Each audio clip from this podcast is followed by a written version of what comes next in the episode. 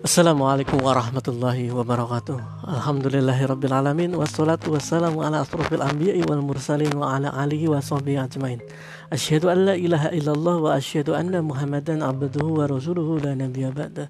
Alhamdulillah kembali pada hari ini Berjumpa dengan kami Muslim Art Tinker Setelah sekian lama kita tidak berjumpa tidak lupa kami sampaikan taqabbalallahu minna wa minkum siyamana wa siyamakum. Kulu am wa antum bi khair. Minal aidin wal faidin. Mohon maaf lahir dan batin. Semoga puasa kita semuanya diterima oleh Allah Subhanahu wa taala dan kita dapat berjumpa kembali di Ramadan yang akan datang. Baik, pada kesempatan yang lalu kita membahas mengenai sistem hukum Islam, kemudian kita bandingkan dengan sistem kapitalisme, kemudian dengan sistem uh, komunisme, bagaimana hukum di dalam kapitalisme, di dalam uh, komunisme. Nah, pada kesempatan ini saya ingin membahas khusus mengenai uh, hukum, hak asasi manusia. Bagaimana sistem hukum Islam dibandingkan dengan hak asasi manusia. Apakah dia sesuai dengan hak asasi manusia ataukah hak asasi manusia itu berasal dari Islam, ya kan? Uh, ini akan kita bahas. Hak asasi manusia itu merupakan sebuah konsep yang mana mengatur hak-hak yang wajib dimiliki oleh manusia, misalnya hak untuk makan, berpendapat, kebebasan, beragama, menjalankan keyakinannya, hak untuk uh, reproduksi dan lain sebagainya ya. Dan itu diatur dalam perjanjian yang sekarang dimanage oleh per, apa namanya United Nation atau Perserikatan Bangsa-Bangsa PBB dicetuskan sejak uh, Perang Dunia Kedua oleh negara-negara uh, apa namanya ya pembentuk PBB Amerika Serikat Inggris dalam sebuah charter yang disebut sebagai makna charter Akan tetapi sebenarnya jika kita lihat daripada eh, apa namanya penerapannya ya hak asasi manusia itu justru memiliki standar janda eh ganda. Standar ganda. Kenapa? Karena hak asasi manusia itu begitu tajam ketika itu terkait dengan orang-orang yang non muslim tetapi begitu tumpul kalau terkait dengan orang-orang muslim. Contohnya adalah tentang kebebasan berpakaian. Ya. Orang barat bebas memakai apa saja, bahkan uh, orang Hindu bebas memakai apa namanya? Uh, semacam kerudung begitu ya ala-ala Hindu tidak ada yang pernah mengomentari hal tersebut tidak ada, tidak ada yang pernah mengomentari itu menganggap itu radikal menganggap itu membawa agama ke ranah publik. Bahkan kalau kita lihat beberapa pekerja orang-orang Hindu ya kan? Orang-orang India itu kalau dia bekerja di kantor yang lelaki dia pakai semacam uh, surban di kepalanya dan tidak pernah dia lepas. Itu beberapa orang-orang India yang taat. Tapi tidak pernah ada yang mensoal itu membawa agama ke ranah publik tidak ada yang pernah mensoal itu adalah radikal. Tidak ada yang pernah mensoal itu adalah ekstremis.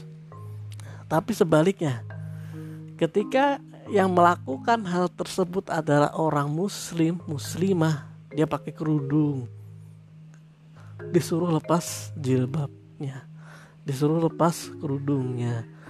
Tidak boleh pakai cadar bahkan dilarang oleh negara-negara tertentu. Nikop Padahal para biarawati-biarawati boleh pakai semacam baju kurung ala nun itu, sister itu, ala sister. Ya kan? Tapi untuk muslim ternyata justru distempelin sebagai radikal, ekstremis, ya kan? Dan lain sebagainya. Bahkan dilarang. Nah, pertanyaannya adalah di mana hak asasi manusia? Di mana hak berpakaian, hak kebebasan. Di mana kebebasan berpakaian? Yang selama ini dijunjung oleh orang-orang barat.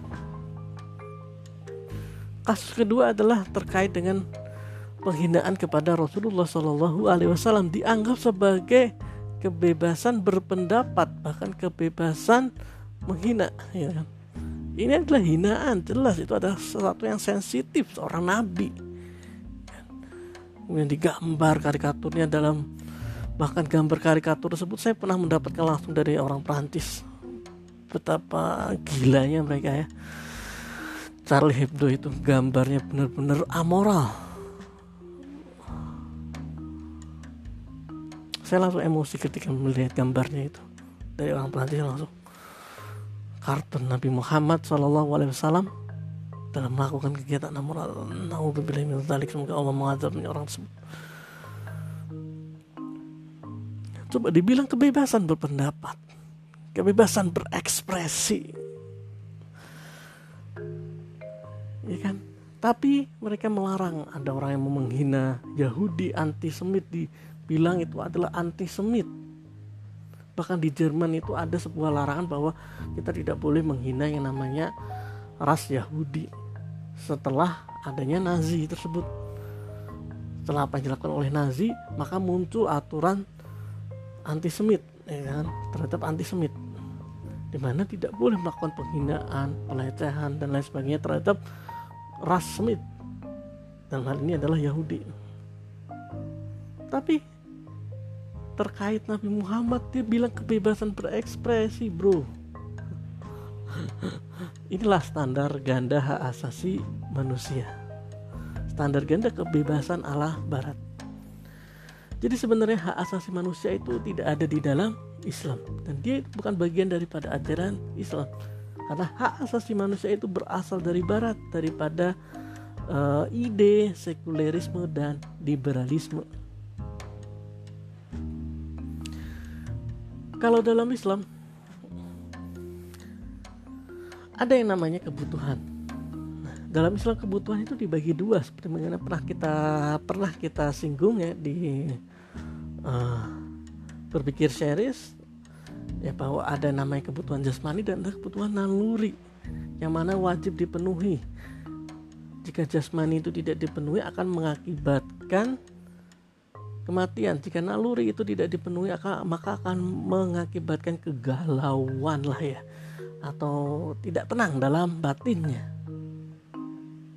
Nah, sedangkan dalam uh, sekulerisme liberalisme ya mereka tidak bisa memisahkan antara kebebasan dengan nafsu ya kan? mereka tidak bisa membebaskan memisahkan antara kebutuhan dengan keinginan. Maka kalau kita lihat di teori ekonomi kapitalisme semua disebut kebutuhan kebutuhan primer sekunder tersier semuanya adalah kebutuhan. Padahal misal mobil mungkin rumah mewah itu bukan kebutuhan bisa jadi itu hanyalah sekedar keinginan. Mereka tidak memisahkan antara kebutuhan dengan keinginan. Kemudian mereka juga tidak mengatur bagaimana cara memenuhi kebutuhan tersebut bagaimana cara memenuhi hak-hak tersebut tidak diatur oleh mereka.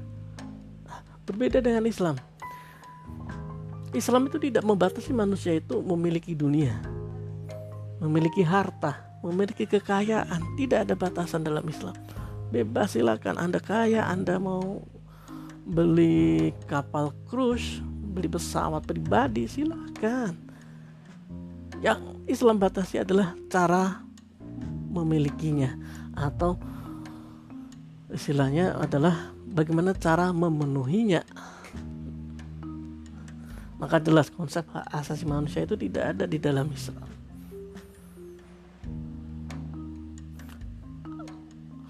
Walaupun ada walaupun mungkin ada kemiripan ya kan? Tapi bukan berarti setiap segala sesuatu yang ada kemiripan itu adalah sama.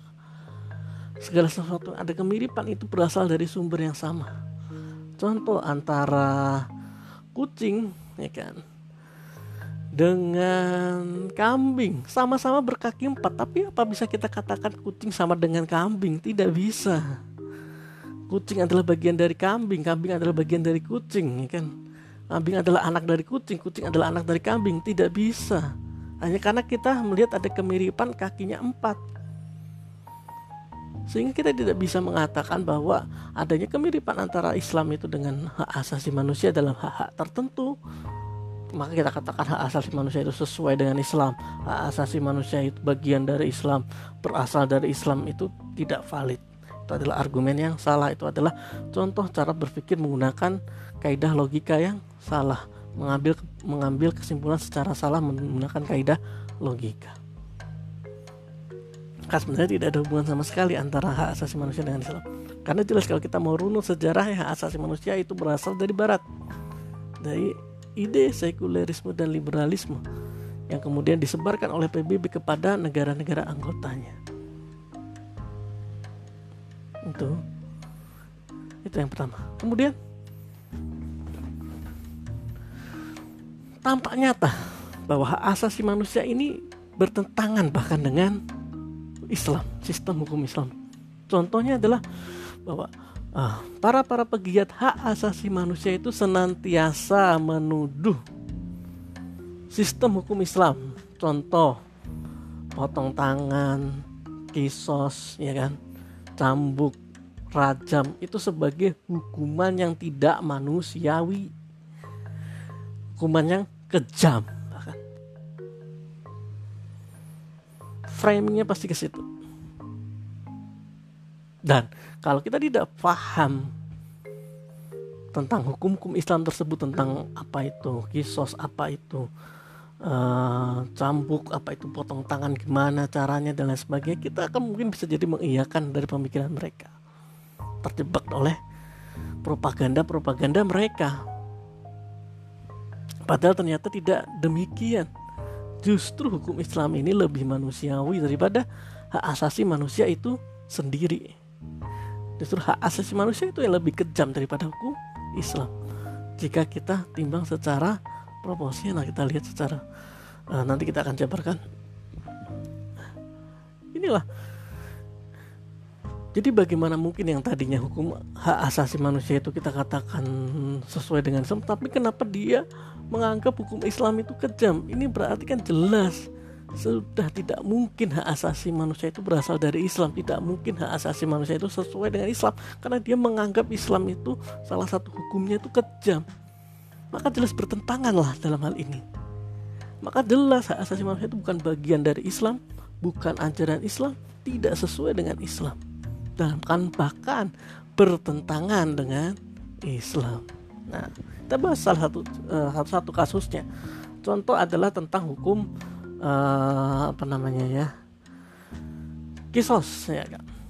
Jika ada seseorang membunuh seseorang membunuh seseorang dengan sengaja, kalau dalam hukum Islam hukumnya adalah sang pembunuh itu harus dibunuh. Kejam. Hmm, tunggu sebentar. Bayangkan jika yang terbunuh itu adalah uh, adik Anda, saudara Anda, kakak Anda, istri Anda, suami Anda, bapak Anda, ibu Anda. Maka kita tanya kepada hati nurani kita sebagai seorang manusia secara jujur. Kira-kira apa hukuman yang paling pantas untuk sang pembunuh? Dibunuh. Jujur kalau kita tanya pada diri kita sendiri, ya dibunuh. Nyawa balas nyawa. Bahkan kita tidak akan mau melihat muka sang pembunuh itu lagi di hadapan kita. Tanpa muka itu nyah. Jadi kita kita tanya pada hati nurani kita sendiri. Itu yang pertama. Yang kedua, asasi manusia selalu menyoal hukuman bagi sang pembunuh. Dianggap sebagai kejam dengan cara dibunuh itu. Hukuman dengan cara dibunuh dianggap kejam, dianggap tidak manusia Wih, tapi dia tidak memandang dari sisi korban. Apakah yang dilakukan si pembunuh dengan membunuh nyawa orang, menghilangkan nyawa orang secara sengaja itu manusiawi? Ketika kejahatan yang dia lakukan itu bukan adalah kejahatan yang tidak manusiawi, kenapa mereka memprotes? hukuman kepada sang penjahat yang tidak melakukan kemanusiaan itu agar sesuai dengan kemanusiaan. Ini aneh. Mereka hanya melihat dari satu sisi, tidak melihat dari sisi yang lainnya, dari sisi korban. Pernahkah mereka bertanya kepada korban bahwa nah, apakah uh, mereka puas dengan hukuman tersebut? Apakah adil hukuman tersebut? Ternyata tidak adil. Misal seorang pembunuh kalau menurut hak asasi manusia tidak boleh dibunuh. Terus hukumannya apa? Di penjara misal uh, eh, 15 tahun seumur hidup, 10 tahun, 15 tahun seumur hidup. Kira-kira itu kan biasanya. Apakah korban ini puas? Kadangkala bisa jadi mereka belum puas. Ya kan? Terus apakah adil? Ternyata tidak adil. Bahkan bagi keduanya bagi si korban dan bagi bagi keluarga si korban dan keluarga sang pembunuh ini terjadi kezoliman. Nah, kok bisa begini? Jika yang dibunuh si korban itu adalah seorang laki-laki. Dan dia menanggung nafkah keluarganya. Maka akibat dari pembunuhan tersebut keluarga tersebut kehilangan kepala keluarganya kehilangan daripada sumber nafkahnya. Alhasil seorang istri harus bekerja untuk menghidupi dirinya dan anaknya. Rugi kerugiannya luar biasa. Siapa yang menanggung biaya sang istri, kehidupan sang istri. Tidak ada kecuali dirinya sendiri. Berbeda dalam hukum Islam. Dalam hukum Islam, ya kan? Apabila hal itu terjadi, maka sang istri dan anak-anaknya ini wajib ditanggung kebutuhannya oleh keluarga dari pihak suami, misal dari kakaknya sang suami yang laki-laki jika mampu dan jika ada. Ya kan? Jika tidak mampu dan tidak ada, maka ditanggung oleh negara janda-janda ini dan anak-anaknya. Jadi tidak sebatas hanya mengeksekusi sang pembunuhnya saja, tetapi juga negara juga harus memikirkan keluarganya, keluarga korban maupun keluarga sang pembunuh.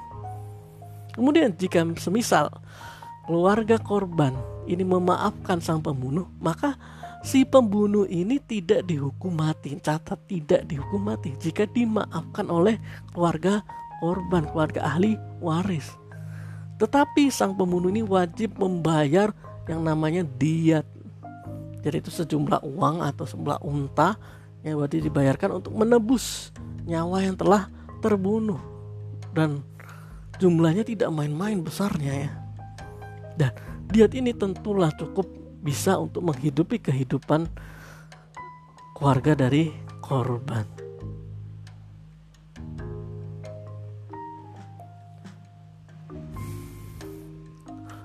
Lantas untuk sang pembunuh, ya kan? Ketika dia di penjara, maka dia kehilangan kebebasannya. Justru justru hak asasi manusia yang memperjuangkan kebebasan ini menghilangkan kebebasan seseorang di penjara dia tidak bisa mencari nafkah dan lain sebagainya tidak bisa menafkahi keluarganya.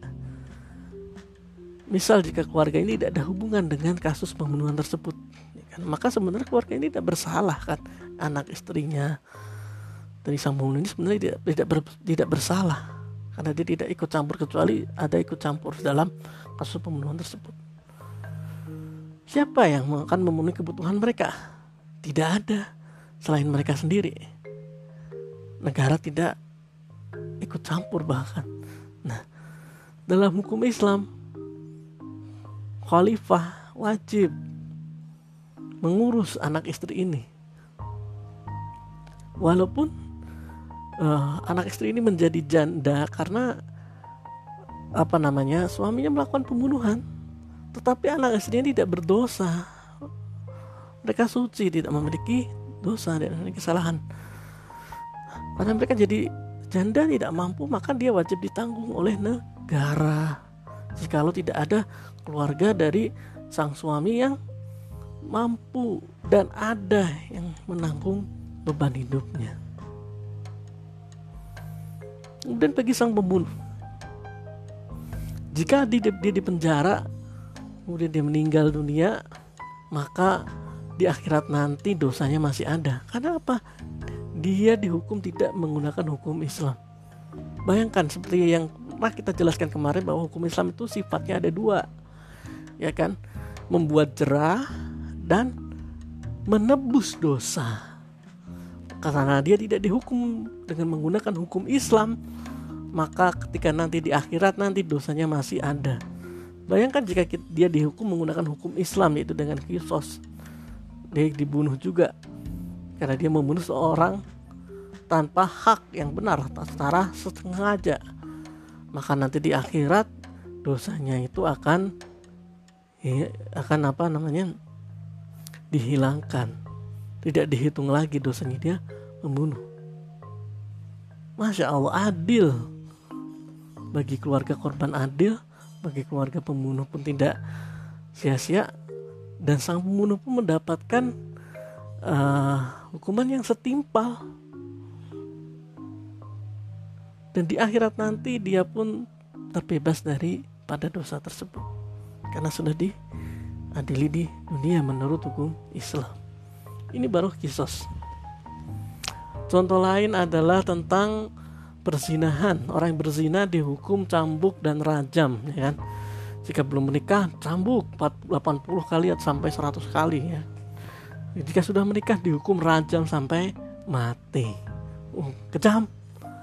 Kelihatannya kejam padahal ternyata tidak semudah itu. Orang menghukum seseorang dengan hukuman rajam dan cambuk. Karena apa? Karena ada yang namanya sistem pembuktian Islam. Di mana seseorang itu biar bisa dikatakan bahwa dia terbukti berzina jika ada kesaksian daripada empat orang laki-laki. Atau jika tidak orang saat itu kurang ber, cuma tiga orang laki-laki adanya perempuan maka perempuan itu harus dua kalinya daripada laki-laki. Kenapa demikian? Karena orang laki-laki itulah yang paling sering keluar rumah hikmahnya di situ kenapa disyariatkan empat orang itu harus laki-laki yang diutamakan. Harus ada saksi mata empat orang. Saksi mata ya. Empat orang. Kalau dia tidak bisa menghadirkan empat orang saksi mata yaitu penuduh maupun Eh, sang-sang penuduh itu tidak bisa atau sang jaksa tidak bisa menghadirkan empat orang saksi mata maka dia belum bisa dibuktikan berzina meskipun ada CCTV di situ. Ada rekaman CCTV yang jelas menunjukkan si fulan berzina dengan fulana tapi dalam hukum Islam barang bukti atau yang bisa menjatuhkan apa namanya namanya menjatuhkan sanksi itu adalah kesaksian daripada saksi bukan barang bukti barang bukti hanyalah sebagai uh, istilahnya supporting atau uh, mensupport menambah meneguhkan kesaksian memperkuat kesaksian atau membuat orang yang melakukan itu mengaku Jika tidak ada empat orang saksi, maka kita lihat apakah sang pelaku ini mengakui perbuatannya. Tentu bagi seorang yang muslim yang masih memiliki iman di hatinya, pasti dia lebih memilih mengaku. Kenapa? Karena dia tahu hukuman di dunia jika dibandingkan dengan hukuman di akhirat itu lebih ringan hukuman yang di dunia.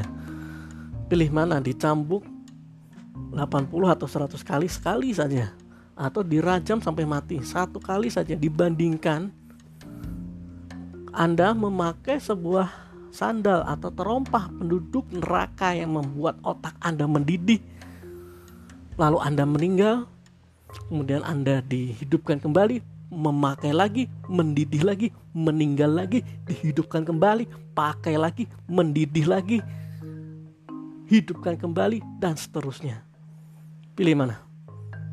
Kalau kita masih memiliki akal yang sehat, kita pasti pilih yang lebih ringan. Yaitu lebih baik dirajam sekali yaitu 80 kali dalam sekali rajam atau 100 kali atau di eh maaf dicambuk 80 kali atau 100 kali atau dirajam sampai mati. Itu lebih mending dibandingkan berkali-kali otak harus mendidih. Dan kita merasakan siksa yang berulang-ulang kali.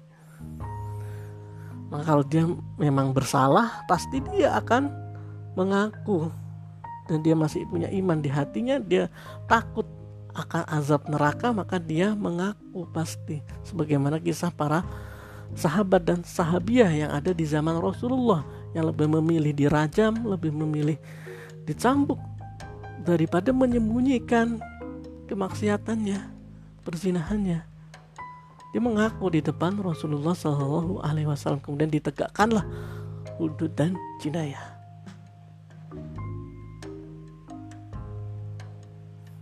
itulah sistem hukum Islam.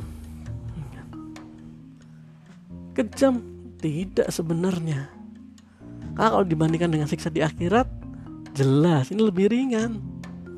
Apalagi ketika hukuman itu telah dijatuhkan di dunia maka akan menghapuskan dosanya ya kan zawajir dan jawabir ya kan? Kemudian membuat orang-orang itu jadi kapok. Maka kasus perzinahan itu bisa minimal senol mungkin di suatu negara. Bandingkan kalau dia hanya di penjara. Keluar dari penjara dia berkosa orang lain. Keluar penjara dia penjara lagi perkosa orang lain lagi. Tidak ada kapoknya. Tidak ada jerahnya lalu muncul problematika muncul anak-anak ini katakan anak-anak haram itu nasabnya tidak terjaga. Akhirnya dia tidak tahu nasabnya karena dia tidak tahu nasabnya. Di situ akhirnya banyak hukum-hukum Islam yang dilanggar. Ada banyak orang tua yang menikahkan anak perempuannya padahal anak perempuannya lahir sebelum nikah. Maka sebenarnya eh, bapaknya ini bukanlah bapaknya. Tidak bisa bin bapaknya, misal seperti itu. Alhasil kalau dia tidak tahu tentang hukum itu bagaimana? Dia menikahkan anak perempuannya yang mana itu sebenarnya bukanlah anak ya karena dia lahir di luar nikah dengan seorang laki-laki, maka pernikahan tidak sah. Lalu pernikahan anaknya menjadi zina lagi. Keluar lagi anak zina. Nanti diulangi lagi begitu. Sang bapaknya menikahkan anaknya. Perempuan dibin bin dia. Padahal sebenarnya tidak boleh karena dia di luar nikah. Maka ini akan terjadi yang namanya lingkaran setan perzinahan.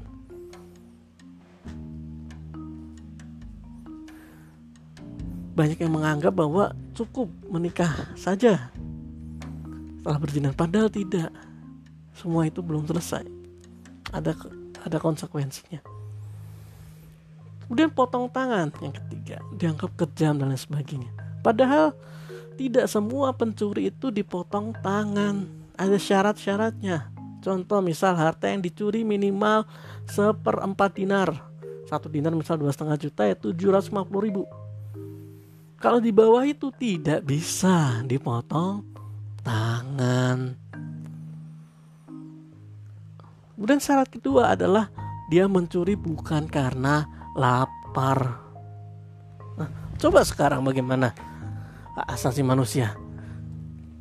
Dia justru tidak pandang bulu. Mencuri ayam, mencuri singkong, mencuri pisang, bisa dipenjara beberapa bulan. Akibatnya dia tidak bisa bekerja, keluarganya terbengkalai, tidak ada yang menafkahi. Justru dolim, bukan adil tapi dolim. Dolim terhadap sang pelaku dolim terhadap keluarganya. Tapi bagaimana dengan hukum Islam? Jika dia mencuri karena kelaparan, dia tidak dihukum, tidak bisa dihukum. Bebas dari segala macam hukuman. Dia kelaparan. Yang dihukum adalah pemerintah setempat, amir, wali, khalifah. Kenapa ada rakyatmu yang tidak bisa makan hingga akhirnya dia mencuri?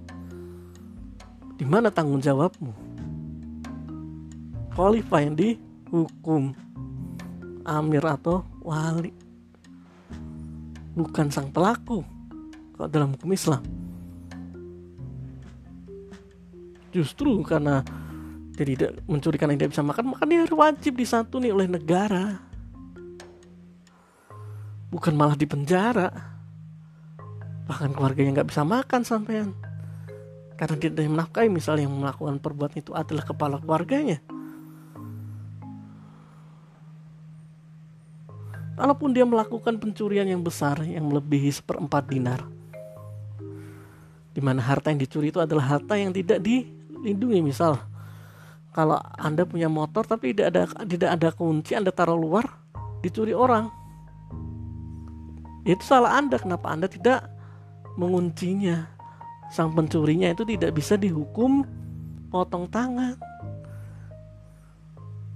Karena motor tersebut tidak dikunci, ditaruh di luar, tidak dilindungin tidak di apa namanya ya dikurung gitu kan. Misal seperti itu. Inilah keadilan hukum Islam kan. Tidak tidak main-main.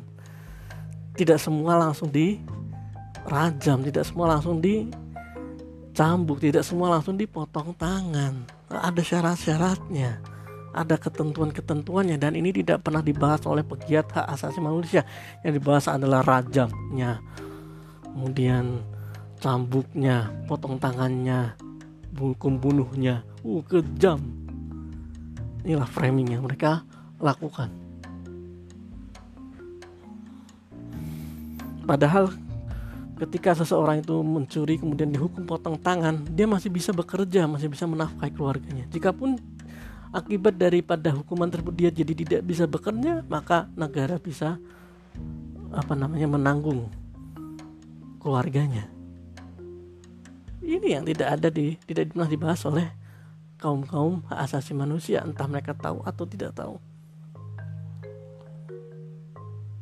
Jikalau mereka tidak tahu maka ini cukuplah menjadi sebuah informasi baru untuk mereka agar mereka segera keluar daripada pemikiran yang menjebak tersebut yang seakan-akan adil bagi kaum muslimin tetapi ternyata uh, aturan tersebut atau istilahnya hukum tersebut nyata-nyata adalah zalim tidak sesuai dengan fitrah seorang manusia.